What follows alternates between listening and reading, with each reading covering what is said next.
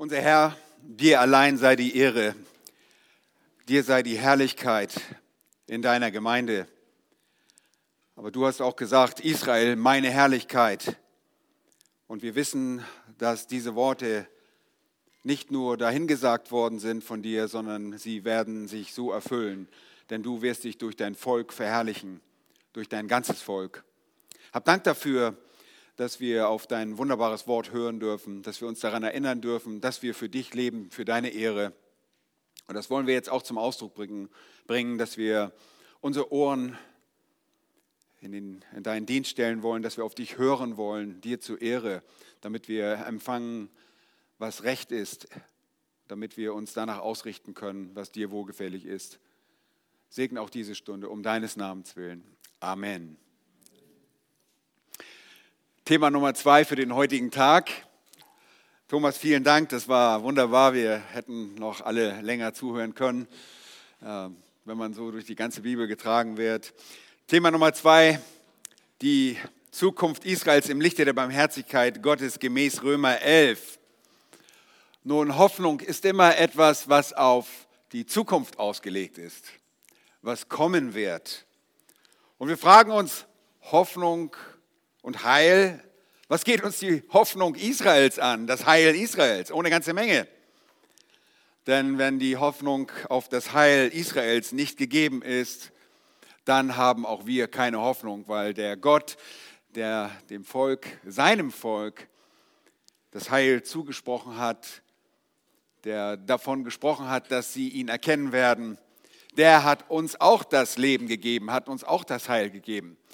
Wenn das nicht zuverlässig ist, was Gott zu seinem Volk sagt, dann wird es auch nicht zuverlässig sein, was er uns sagt. Und so lernen wir nicht nur über die Pläne Gottes, über das Volk, sondern werden ermutigt durch das Wesen und das Wort Gottes. Nur die Zukunft Israels im Lichte der Barmherzigkeit Gottes, Römer 11, soll uns da ein Leitfaden sein. Das Thema Israel ist ein sehr gewichtiges, ein sehr wichtiges für uns als Kinder Gottes, denn die Heilige Schrift zeigt uns die Geschichte des Volkes Gottes, des Volkes Israel. Und die Bibel hat überwiegend damit zu tun. Manchmal werden wir so ein bisschen belächelt und sagen, ja, habt da wo ein Lieblingsthema, immer über Israel zu reden. Wisst ihr was? Das ist Gottes Lieblingsthema. Gott ist der, der Herr, Jahwe ist der Heilige Israels. Und wir müssen bestimmte richtungsweisende Worte an das Volk Israel im heilsgeschichtlichen Handeln deutlich von Aussagen an andere Adressaten differenzieren, damit wir nicht zu Fehlinterpretationen gelangen. Das Alte Testament ist das Wort Gottes, das primär und zunächst an das Haus Israel, die Nation gerichtet ist, die Gott sich erwählt hat. Und es ist deshalb auch ein Lieblingsthema für uns, weil es Gottes Thema ist und wie er so viel über sein Wesen, seine Pläne der Rettung, das Reich Gottes, wie wir gerade gehört haben, in dem Israel ein sehr wichtiges Thema spielt und über den Menschen an sich lernen.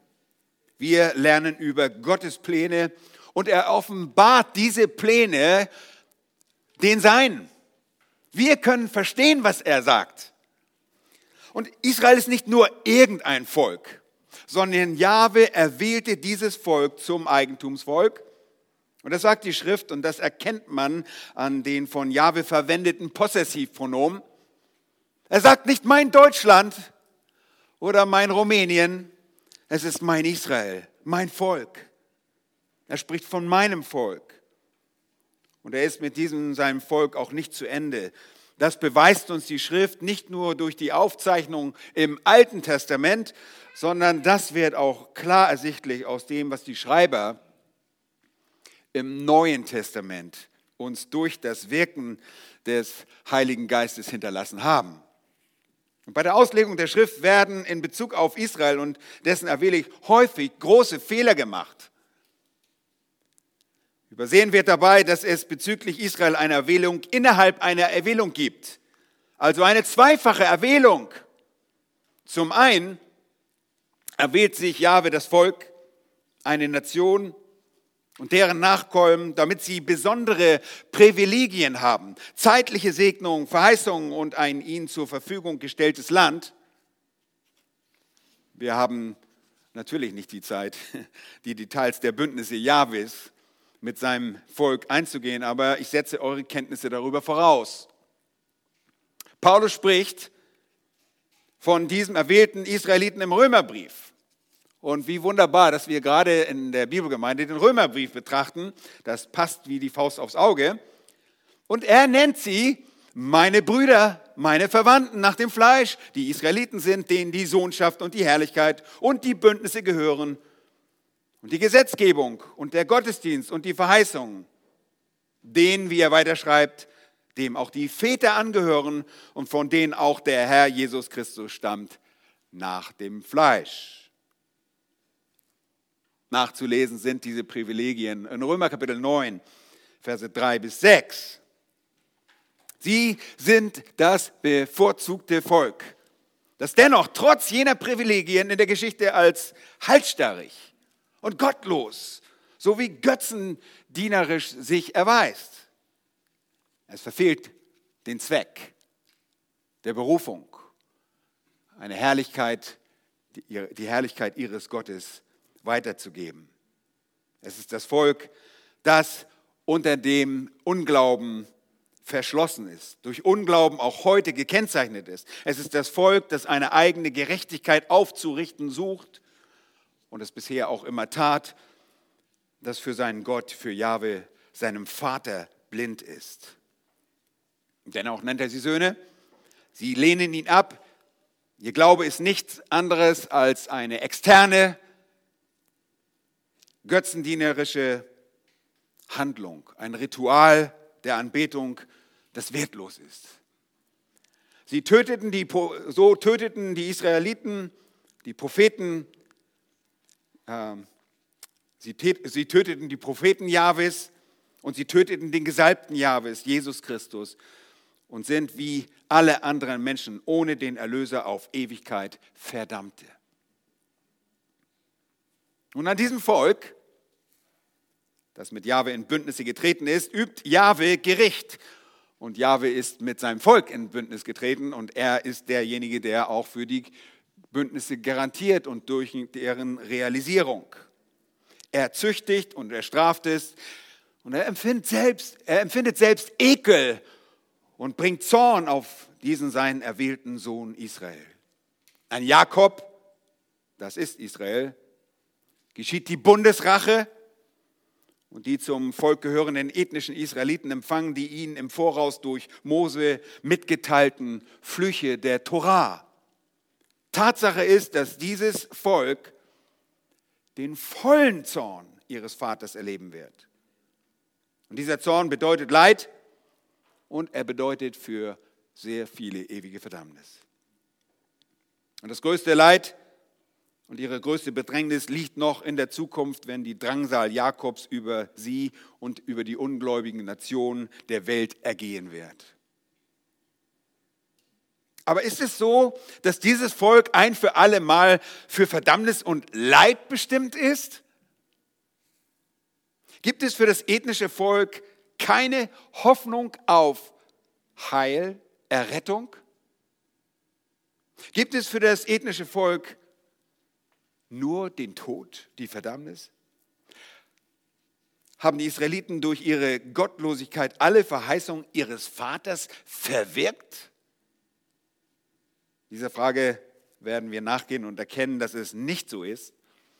In aller Kürze werden wir durch Berücksichtigung von Römer 11 die sichere Hoffnung Israels auf das Heil sehen. Es gibt eine Hoffnung auf Heil für dieses Volk. Nun, innerhalb dieser gerade erwähnten Erwählung Israels, dieser privilegierten Stellung Israels, so geht es ebenso deutlich aus der Schrift hervor, gab es und gibt es eine Erwählung einzelner Israeliten zum Heil. Diese Auswahl hat es in ihrer Geschichte immer gegeben. Das sind gottesfürchtige Israeliten, die nicht nur all die Privilegien zu äh, schätzen wissen, sondern auch unter dem Gehorsam ihrer Landsleute das Leid, das für die Nation bestimmt ist, aufgrund ihres Ungehorsams zum Teil miterlebten und miterleben werden. Aber sie sind Glaubende, die das Heil haben, das ewige Leben und in das, haben wir gerade gehört, wo eingehen? In das Reich Gottes eingehen werden. Sie sind der ewigen Hoffnung teilhaftig geworden, der Hoffnung auf das Reich, können sie sich erfreuen. Und wir erkennen viele dieser, wir kennen viele dieser Männer und Frauen aus der Geschichte des Volkes, wie die Schrift sie anführt. Vielleicht kennt ihr auch Leute aus dem jetzigen Zeitalter und in dieser jetzigen Zeit, gläubige Juden, jüdische Christen. Sie sind uns Vorbilder des Glaubens, den Jahwe ihnen in seiner Barmherzigkeit gewährt hat. Und wir wissen, dass es immer und zu jeder Zeit einen Überrest von treuen Knechten Jahwes in Israel gab und dass es diese auch heute noch gibt. Aber lasst uns bitte zusammen Römer Kapitel 11 aufschlagen und auch lesen. Das Volk Israel der Gegenwart und dessen sichere Hoffnung auf das Heil werden wir betrachten in unserem ersten Punkt. Und ich lese euch dieses Kapitel äh, vor und achtet darauf. Paulus führt die Dinge auf und er endet gerade im Kapitel 10 damit, mit einem Zitat aus dem Alten Testament, wo Jahwe Gott den ganzen Tag seine Hände ausgestreckt hatte nach einem ungehorsamen und widerspenstigen Volk und er schlussfolgert und fragt, ich frage nun, hat Gott, Römer 11, Vers 1, etwa sein Volk verstoßen? Das sei ferne. Denn auch ich bin ein Israelit aus dem Samen Abrahams, aus dem Stamm Benjamin. Gott hat sein Volk nicht verstoßen, das er zuvor ersehen hat. Oder wisst ihr nicht, was die Schrift bei Elia sagt, wie er vor Gott gegen Israel auftritt und spricht, Herr, sie haben deine Propheten getötet und deine Altäre zerstört und ich bin allein übrig geblieben und sie trachten mir nach dem Leben. Aber was sagt ihm die göttliche Antwort? ich habe mir 7000 Männer übrig gelassen, die ihre Knie nicht gebeugt haben vor Baal. So ist nun auch der jetzige, in der jetzigen Zeit ein Überrest vorhanden aufgrund der Gnadenwahl. Wenn aber aus Gnade, so ist es nicht mehr um der Werke willen, sonst ist die Gnade nicht mehr Gnade. Wenn aber um der Werke willen, so ist es nicht mehr Gnade, sonst ist das Werk nicht mehr Werk. Wie nun? Was Israel sucht, das hat es nicht erlangt. Die Auswahl aber hat es erlangt. Die übrigen dagegen wurden verstorbt. Wie geschrieben steht, Gott hat ihnen einen Geist der Betäubung gegeben, Augen, um nicht zu sehen und Ohren, um nicht zu hören, bis zum heutigen Tag. Und David spricht, ihr Tisch soll ihnen zur Schlinge werden und zum Fallstrick und zum Anstoß und zur Vergeltung. Ihre Augen sollen finster werden dass sie nicht sehen und ihren Rücken beuge alle Zeit. Ich frage nun, sind sie denn gestrauchelt, damit sie fallen sollten? Das sei ferne, sondern durch ihren Fall wurde das Heil der Heiden zuteil, um sie zur Eifersucht zu reizen. Wenn aber ihr Fall der Reichtum der Welt und ihr Verlust der Reichtum der Heiden geworden ist, wie viel mehr ihre Fülle? Denn zu euch, den Heiden, rede ich weil ich Apostel der Heiden bin, bringe ich meinen Dienst zu Ehren. Ob ich irgendwie meine Volksgenossen zur Eifersucht reizen und etliche von ihnen erretten kann. Denn wenn ihre Verwerfung die Versöhnung der Welt zur Folge hatte, was wird ihre Annahme anderes zur Folge haben als Leben aus den Toten? Wenn aber die Erstlingsgabe heilig ist, so ist auch der Teig. Und wenn die Wurzel heilig ist, so sind es auch die Zweige. Wenn aber etliche der Zweige ausgebrochen wurden und du als ein wilder Ölzweig unter sie eingefropft bist und mit Anteil bekommen hast an der Wurzel und der Fettigkeit des Ölbaums, so überhebe dich nicht gegen die Zweige. Überhebst du dich aber, so bedenke, nicht du trägst die Wurzel, sondern die Wurzel trägt dich. Nun sagst du aber, die Zweige sind ausgebrochen worden, damit ich eingefropft werde. Ganz recht. Um ihres Unglaubens willen sind sie ausgebrochen worden, du aber stehst durch Glauben. Sei nicht hochmutig, sondern fürchte dich. Denn wenn Gott die natürlichen Zweige nicht verschont hat, könnte es sonst geschehen, dass er auch dich nicht verschont. so sieh nun die Güte und die Strenge Gottes. Die Strenge gegen die, welche gefallen sind, die Güte aber gegen dich, sofern du bei der Güte bleibst. Sonst wirst du auch abgehauen werden. Jene dagegen, wenn sie nicht im Unglauben verharren, werden wieder eingefropft werden, denn Gott vermag sie wieder einzufropfen. Denn wenn du aus dem von Natur wilden Ölbaum herausgeschnitten und gegen die Natur in den edlen Baum eingefropft worden bist, wie viel eher können diese, die natürlichen Zweige, wieder in ihrem eigenen Ölbaum eingefropft werden? Denn, Vers 25, ich will nicht, meine Brüder, dass euch dieses Geheimnis unbekannt bleibt, damit ihr euch nicht selbst für klug haltet. Israel ist zum Teil Verstockung widerfahren, bis die Vollzahl der Heiden eingegangen ist.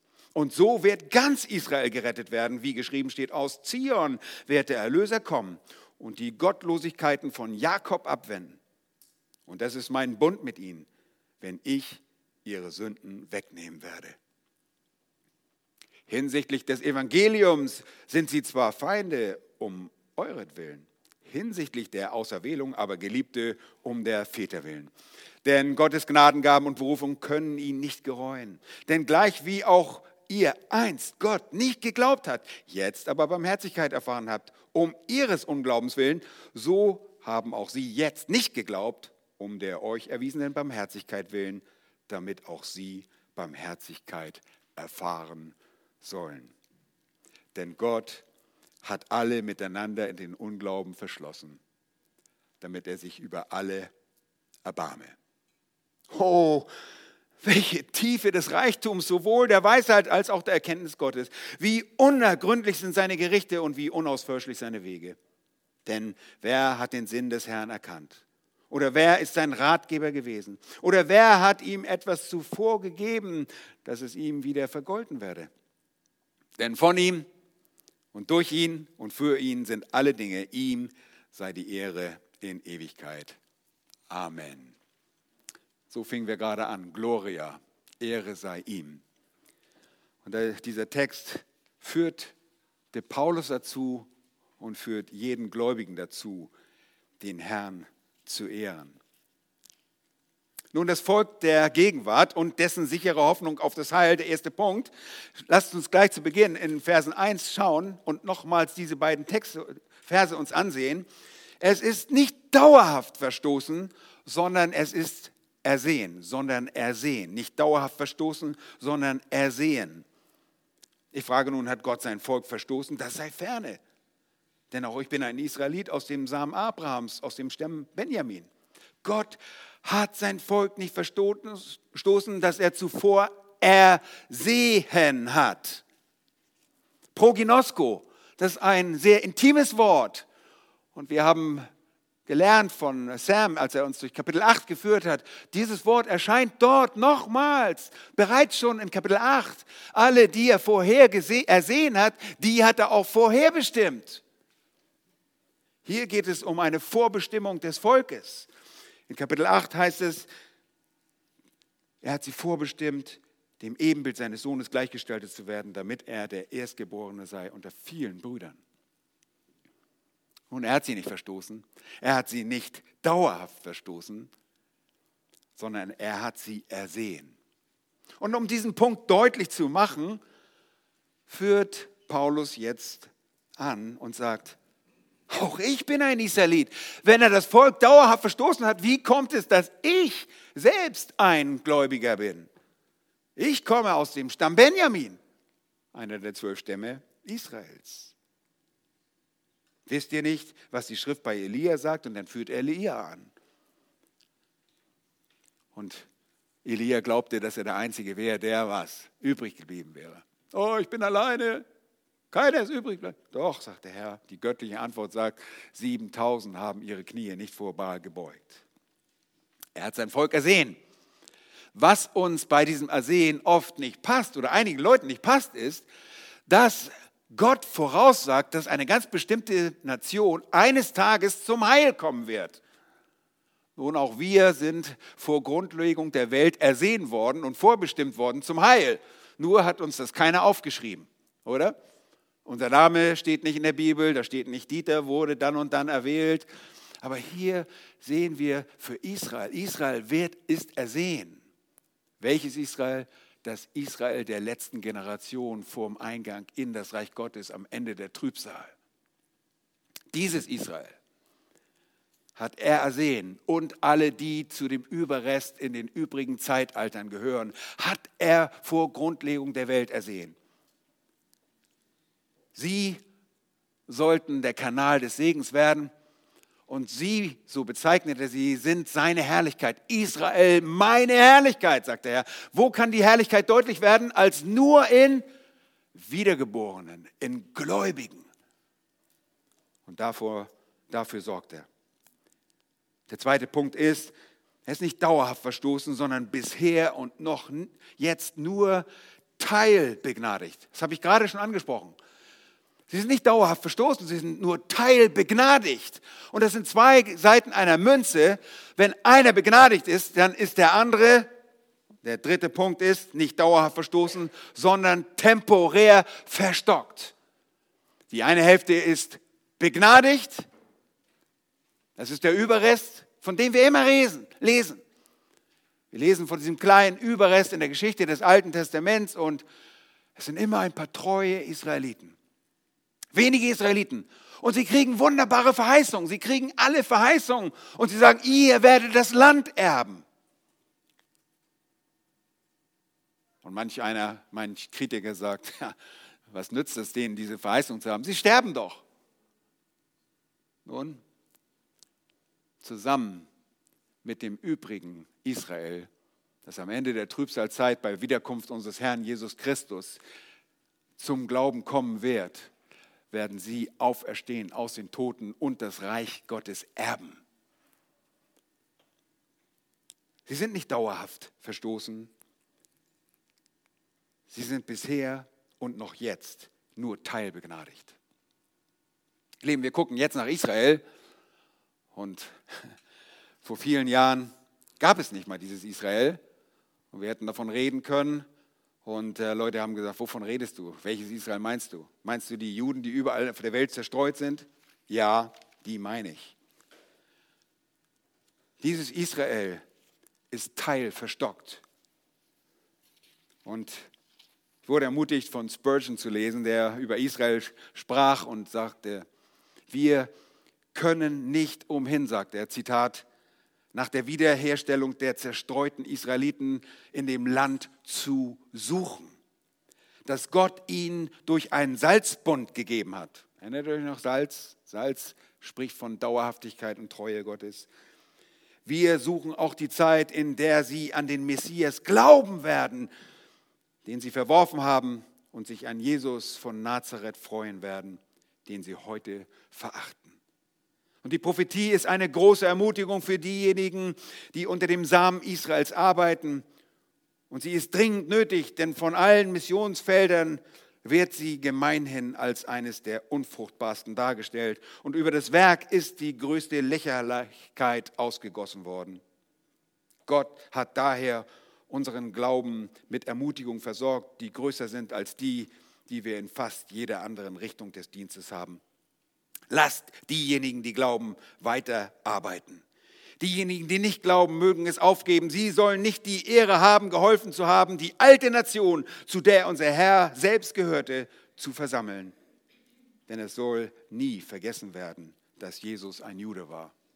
Weiter sagte er in einer Predigt über Hesekiel 24, Vers 26 im Jahre 1855 keine Nation, Israel, alles verteilt in aller Welt. Kurz vor dem Aufkommen des modernen Zionismus erklärte Spurgeon klar und deutlich, nicht lange werden, wird es dauern, ehe sie, die Juden, kommen werden. Sie werden aus fernen Ländern kommen, wo sie ruhen und umherziehen. Und sie, die die Verstoßene aller Dinge war, deren Name ein Sprichwort und ein Beiwort war, wird die Herrlichkeit aller Länder werden. Das niedergeschlagene Zion wird ihr Haupt erheben und sie schütteln vor Staub und Finsternis von den Toten. Dann wird der Herr sein Volk weiden und sie und die Orte um seinen Berg herum zum Segen machen. Ich glaube, wir messen die Wiederherstellung der Juden nicht genügend Bedeutung bei. Wir denken nicht genug daran. Aber wenn in der Bibel etwas verheißen wird, dann ist es dies. Ich stelle mir vor, dass man die Bibel nicht lesen kann, ohne klar zu sehen, dass es eine tatsächliche Wiederherstellung der Kinder Israels geben wird. Zitat Ende. Nur als Ermutigung von Spurgeon, der selbst gesehen hat, es gab eine Teilverstockung, es gab eine Teilbegnadigung. Die Flipseite, äh, die, die Kehrseite der Medaille ist die Verstockung. Nicht verstoßen, nicht dauerhaft verstoßen, sondern temporär verstockt. Schaut auf die Verse 7 bis 10. Wie nun? Was Israel sucht, das hat es nicht erlangt. Die Auswahl aber hat es erlangt. Die übrigen dagegen wurden verstockt.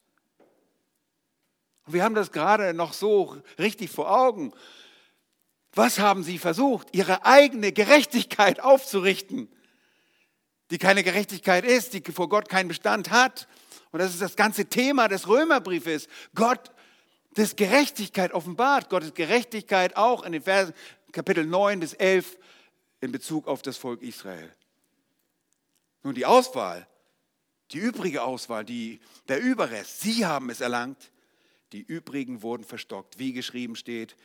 Gott hat ihnen einen Geist der Betäubung gegeben, Augen, um nicht zu sehen und Ohren, um nicht zu hören. Bis zum heutigen Tag, sagt Paulus. Und wir können auch noch sagen, bis zum heutigen Tag.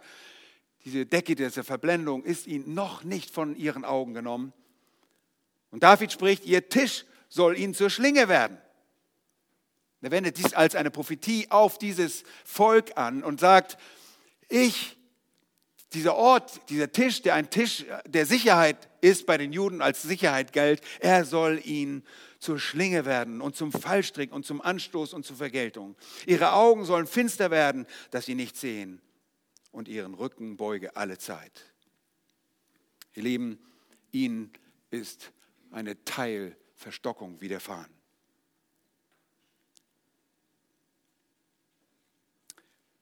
Punkt D, nicht zum Fall sind bestimmt, sondern zum Reichtum der Nation.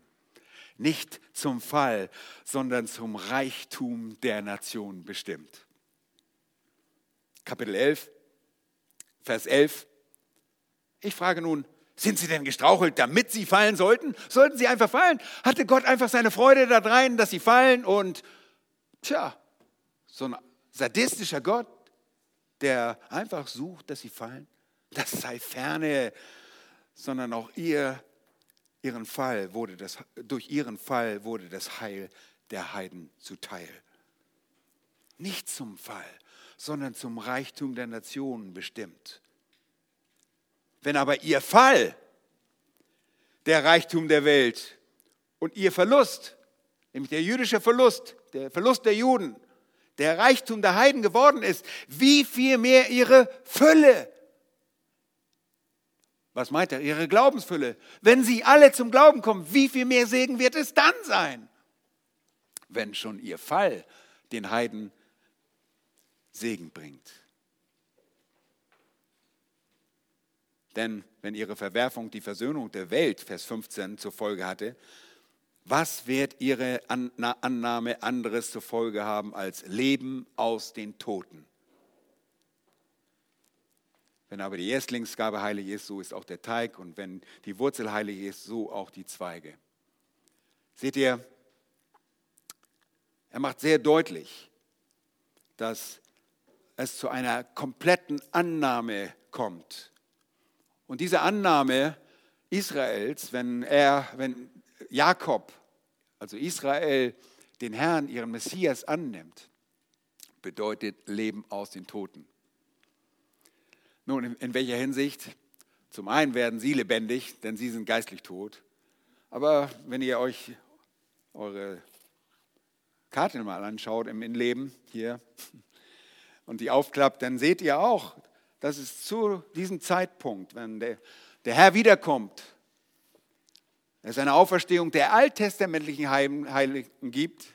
Die sind zwar nicht tot, aber die kommen aus den Toten und werden auferstehen und neutestamentliche Leibe erhalten sowie auch die Märtyrer, die vor dem Thron stehen und Johannes in Offenbarung 7 sieht, die unzählige Zahl von Märtyrern. Sie werden auferstehen und in das Reich eingehen, Danke, Thomas, für diese wunderbare Vorarbeit. Sie werden in das Reich eingehen. Sie werden das Reich erben. Leben aus den Toten. Sie werden lebendig. Und ich kann mir vorstellen, dass auch Paulus hier an die Worte denkt, die äh, der Prophet Hesekiel in Kapitel 37 anspricht wo er die Totengebeinde auf einer großen Ebene sieht. Der Prophet Hesekiel hat eine, ein Gesicht und er sieht die Toten, die Knochen und überall verbreitet. Und dann sieht er sie zusammenkommen. Ja, sie kommen zusammen und, und Hesekiel, und der Herr fragt, der Herr fragt, können diese leben? Und er sagt, Herr, du weißt es, ob sie leben können. Und dann sehen wir, dass diese Knochen, die zusammenkommen, mit äh, Sehnen überzogen werden und Fleisch an ihnen wächst. Aber sie sind tot. Und ich schätze diese Texte immer so ein, dass das Israel zusammenkommt, zurückkehrt in, ihre eigene, in ihr eigenes Land, dass es sich sammelt in ihrem eigenen Land, aber es ist geistlich tot. Es ist kein Odem in ihnen. Und der Odem wird ihnen eingeblasen. Sie werden lebendig. Das bedeutet Leben aus den Toten. Das bedeutet es. Und das wird ein Segen sein für alle Nationen und für alle, die von den Toten auferstehen werden. Nun, es wäre wunderschön, das alles auszulegen, was da steht in diesem Kapitel. Aber ich muss weiter.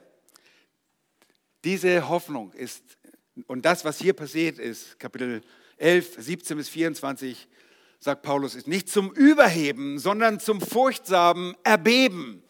Du sollst dich fürchten, nicht zum Überheben, sondern zum furchtsamen Erbeben. Du sollst erbeben vor Furcht. Wir als Heiden, wir sollen uns nicht erheben.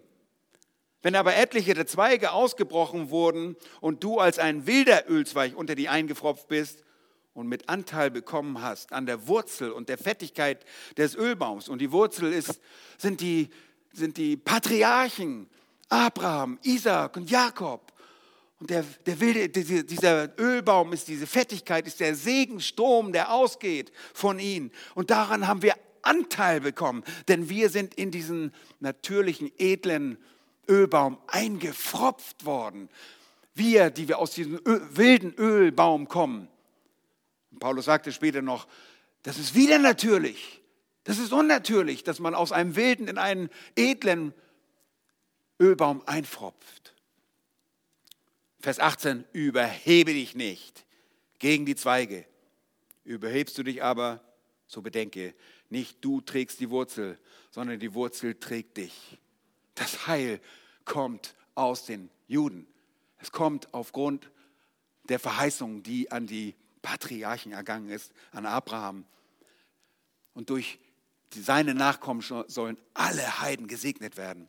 Nun sagst du aber, die Zweige sind ausgebrochen worden, damit ich eingefropft werde. Man kann dem zu viel Bedeutung beimessen. Ganz recht, um ihres Unglaubens willen. Weil sie ungläubig waren. Nur deshalb. Oh, das ist nicht so, weil du so toll warst sondern das ist ursächlich. Sie waren ungläubig. Sie sind ausgebrochen worden, zeitlich, temporär verstoßen. Und für diese Generation, die dann lebten, bedeutet das ewige Verdammnis. Die Erwählung des Volkes Israel ist nicht eine kategorisch eine, äh, eine Erwählung zum ewigen Leben, zum Erben des Reiches. Sie sind ausgebrochen, weil sie nicht glaubten. Du aber stehst durch den Glauben. Haha, ich glaube. Nun, wir wissen, warum wir glauben. Weil der Glaube eine Gabe Gottes ist.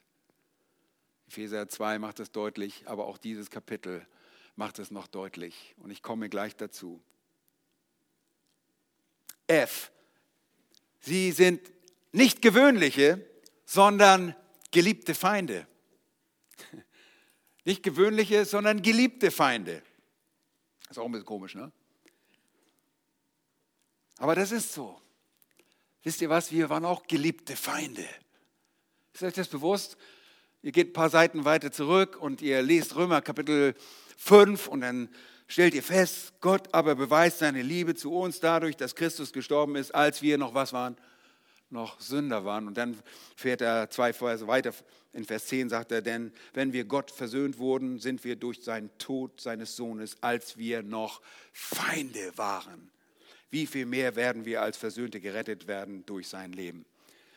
Nun, wir sehen hier geliebte Feinde. Und das wird sehr deutlich in Vers 28. Hinsichtlich des Evangeliums sind sie Feinde. Das heutige Israel, das verstockte Israel sind Feinde. Sie kennen ihren Retter nicht. Sie kennen ihren Gott nicht. Sie kennen nicht den, der sie privilegiert hat und ihnen das Wort gegeben hat, die Bündnisse, die Verheißungen. Sie sind blind. Aber der zweite Teil des Satzes in Kapitel 28 sagt hinsichtlich der Auserwählung, aber Geliebte um der Väter willen. Hier ist eine Hoffnung, nicht für die toten Israeliten, denn die hoffen gar nichts. Die hoffen nur auf irdische Dinge. Aber für alle gläubigen Israeliten und für uns ist diese Hoffnung da, diese Hoffnung auf die Bekehrung Israels diese Auserwählten sind Geliebte um der Väter willen. Die Verheißung an die Väter werden ausgeführt und werden sich erfüllen. Der zweite Punkt, der zuverlässige Garant des zukünftigen Heils für das nationale Israel. Nun, wer kann es sein? Es ist Jahwe. Und es ist das, was er sagt. Es ist sein Wort. Es ist sein Wort. Vielfältige Verheißungen und Flüche sowie die Segnung für Israel im Alten Testament stehen im Einklang mit den Aussagen und Ereignissen des Neuen Testaments. Schaut man Kapitel 11, Vers 8. Da heißt es, wie geschrieben steht. Hier bezieht sich Paulus auf etwas, was bereits geschrieben steht, was das Wort Gottes bereits gesagt hat.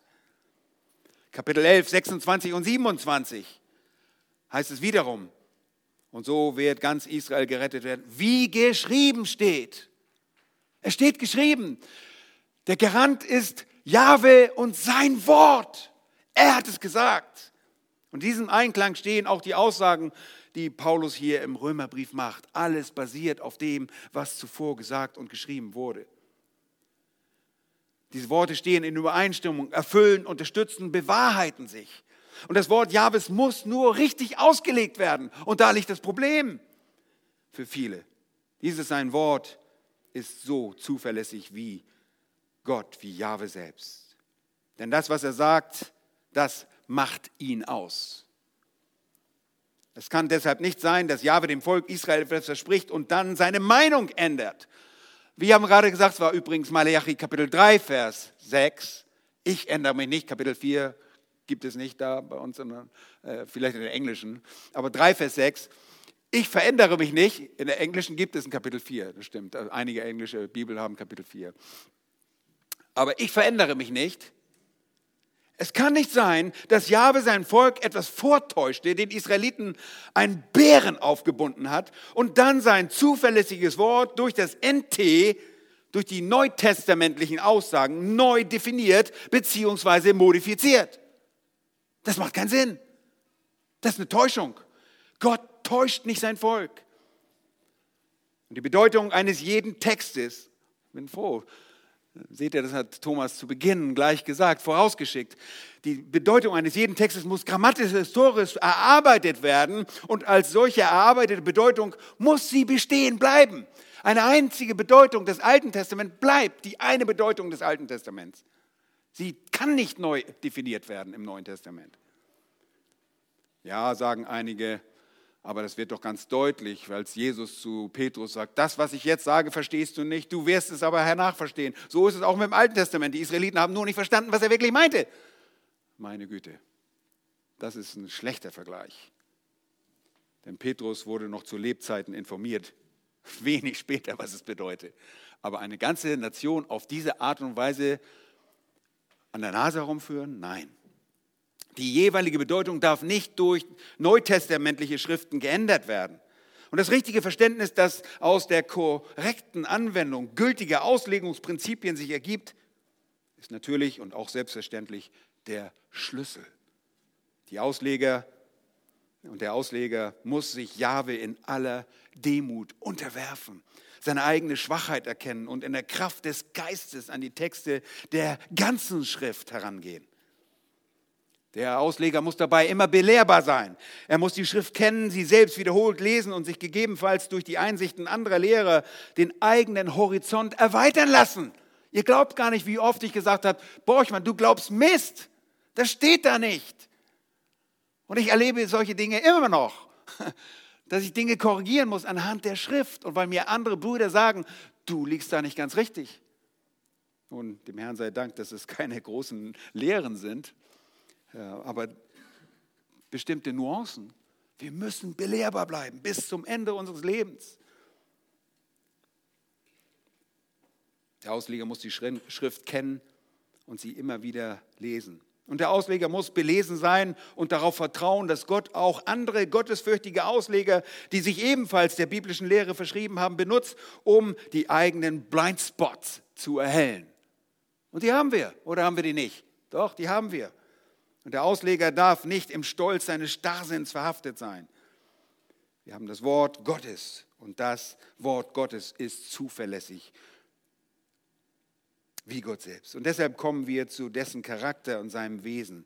Das Wesen Jahwes ist nicht nur die, für die Hoffnung Israels wichtig, also für ihr zukünftiges Heil von großer Bedeutung. Nein, wenn Gott nicht zuverlässig und beständig ist und sein Wesen veränderlich ist, dann hast du selbst schlechte Karten. Dann steht deine Zukunft auf äußerst wackeligen Beinen. Aber schaue in den Text. Was steht dort?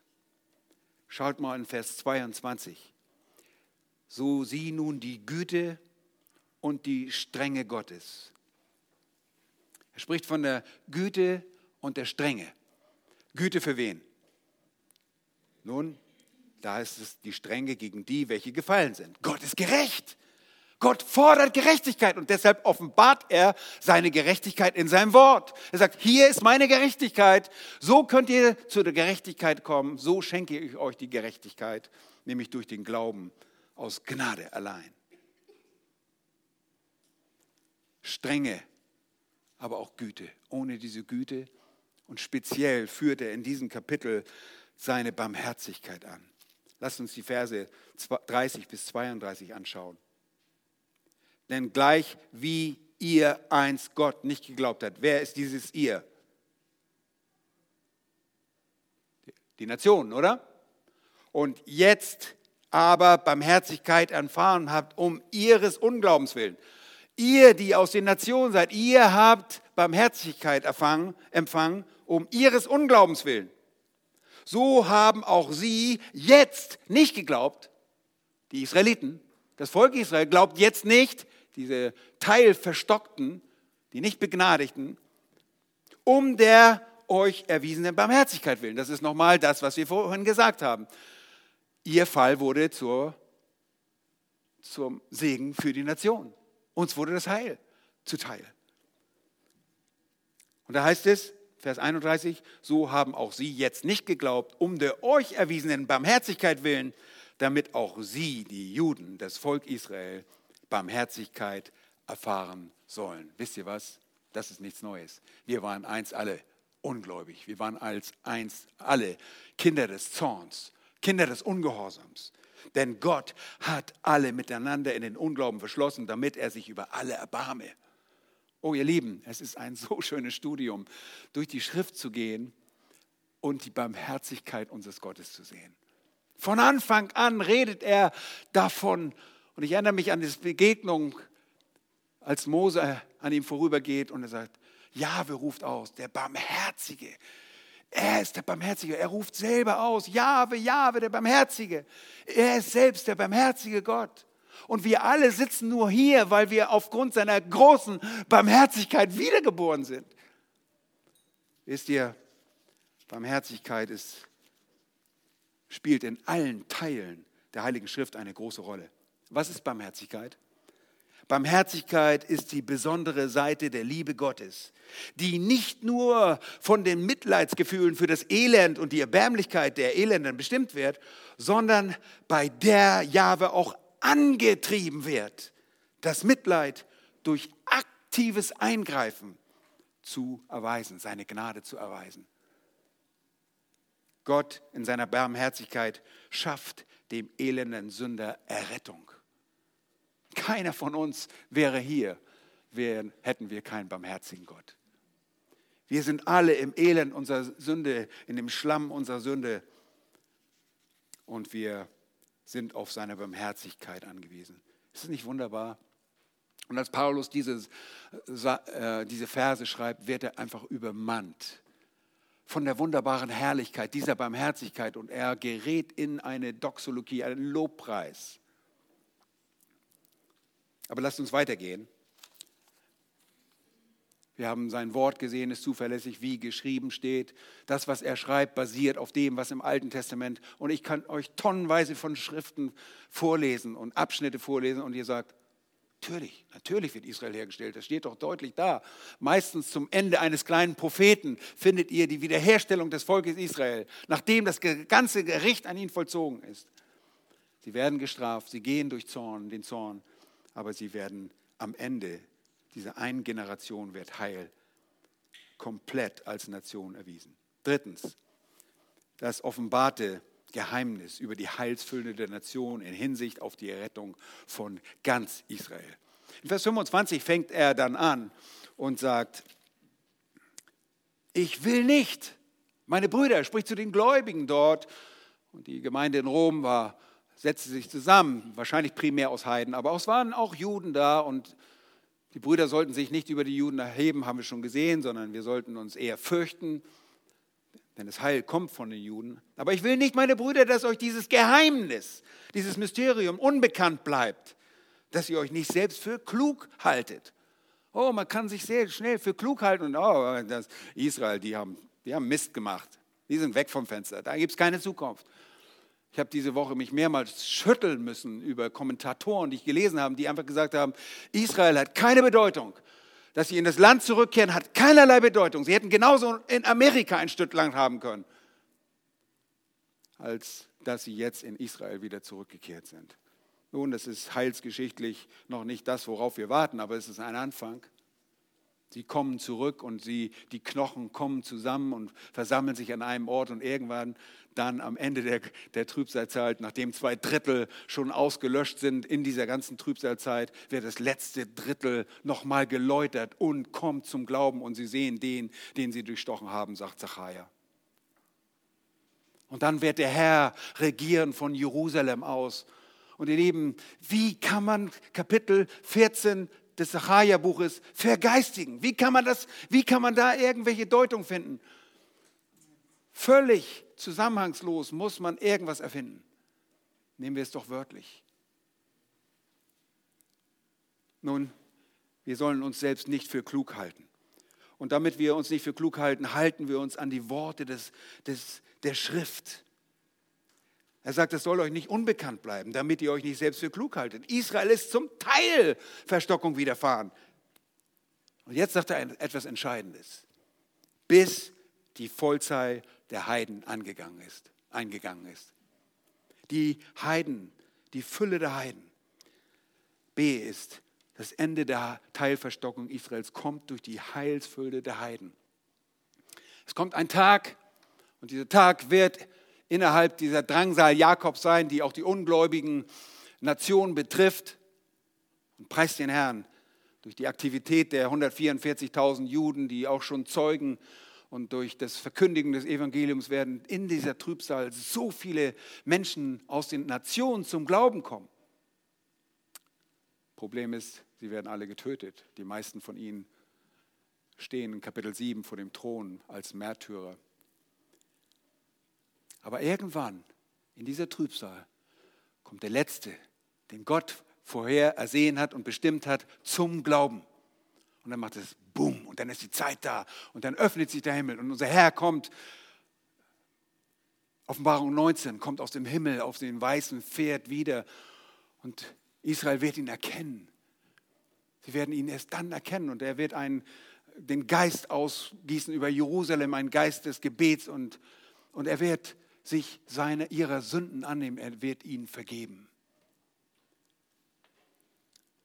Das Ende der Teilverstockung kommt mit der Heilsfülle der Heiden, bis die Vollzahl der Heiden eingegangen. Und so wird ganz Israel gerettet werden. Wie geschrieben steht. Hört mal gut zu. Wo kommt er her? Aus Zion wird der Erlöser kommen. Und die Gottlosigkeiten von Jakob, das ist Israel, abwenden. Und das wird mein Bund mit ihnen sein, wenn ich ihre Sünden wegnehmen werde. Ihr Lieben, dort ist das Heil derjenigen, die dort zuvor in der ewig, vergangenen Ewigkeit ersehen worden sind. Das ist das offenbarte Geheimnis.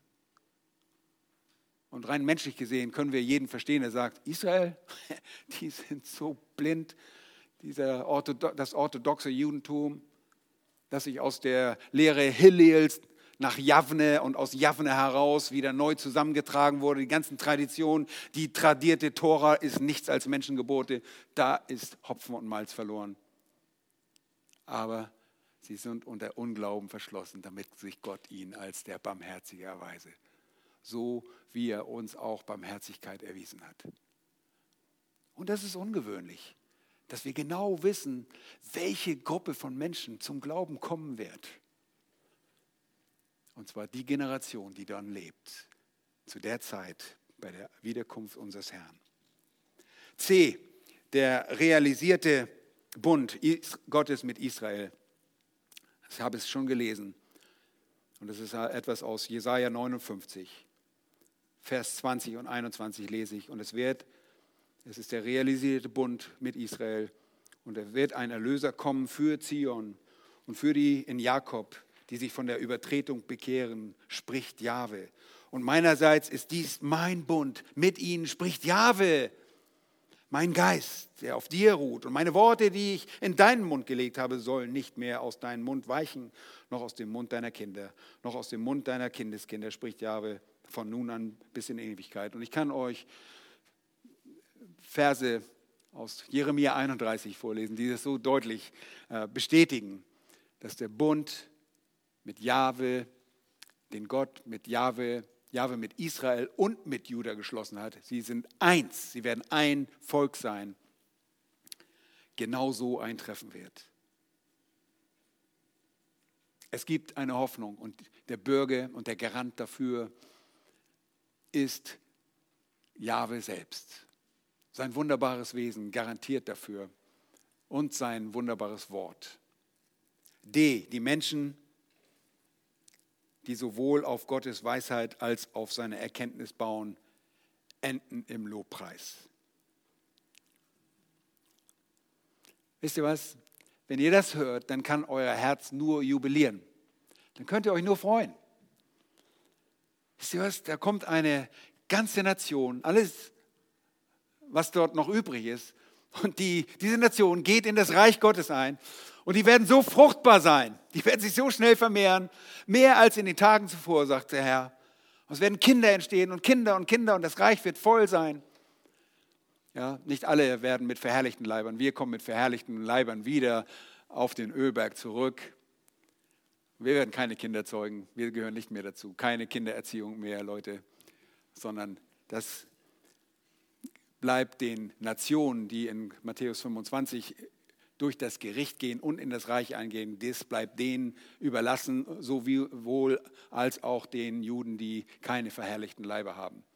Und die muss es geben, denn am Ende des Millenniums, des Reiches, gibt es einen Aufstand. Und Satan wird wen verführen? Die Nation, um gegen die heilige Stadt anzutreten. Und deshalb muss aus den Nationen Kinder erwachsen, die Israel Ergebenheit heucheln während dieser Friedenszeit. Und sie müssen heucheln, denn offene Rebellion wird mit dem Tod geahndet. Leben, das sollte uns ermutigen. Und ich weiß, ich ermutige euch auch, wenn ich jetzt von der Kanzel runtergehe und aufhöre. Aber es sollte euch ermutigen, denn die Zuverlässigkeit unseres Gottes bewahrheitet sich in der Wiederherstellung und dem Heil des Volkes, das er sich vor Grundlegung der Welt ersehen hat. Und das sollte dir Mut geben. Denn das ist das ultimative Beispiel der Barmherzigkeit Gottes.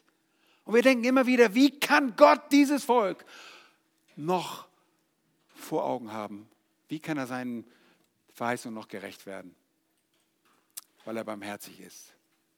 Und so wird er uns gegenüber barmherzig sein. Und das sollte uns herausfordern, wie Thomas gesagt hat, wir werden in dieses Reich hineingehen und wir sollten schon jetzt als Bürger des Reiches leben. Lass uns noch kurz danken. Herr, wir danken dir, dass dein Wort die Wahrheit ist. Heilige uns durch dein Wort auch bezüglich dieser Wahrheiten. Danke, dass wir die Zuverlässigkeit deines Wortes als auch deinen zuverlässigen und guten Charakter sehen. Du allein bist gut. Deine Güte überwältigt uns. Herr, und wir möchten auch in dieses Lobpreis einsteigen. Wir können einfach nur staunen über deine Erkenntnis, über deine Weisheit, die in deiner ganzen Geschichte, in deinen ganzen Heilsplan zum Tragen kommt.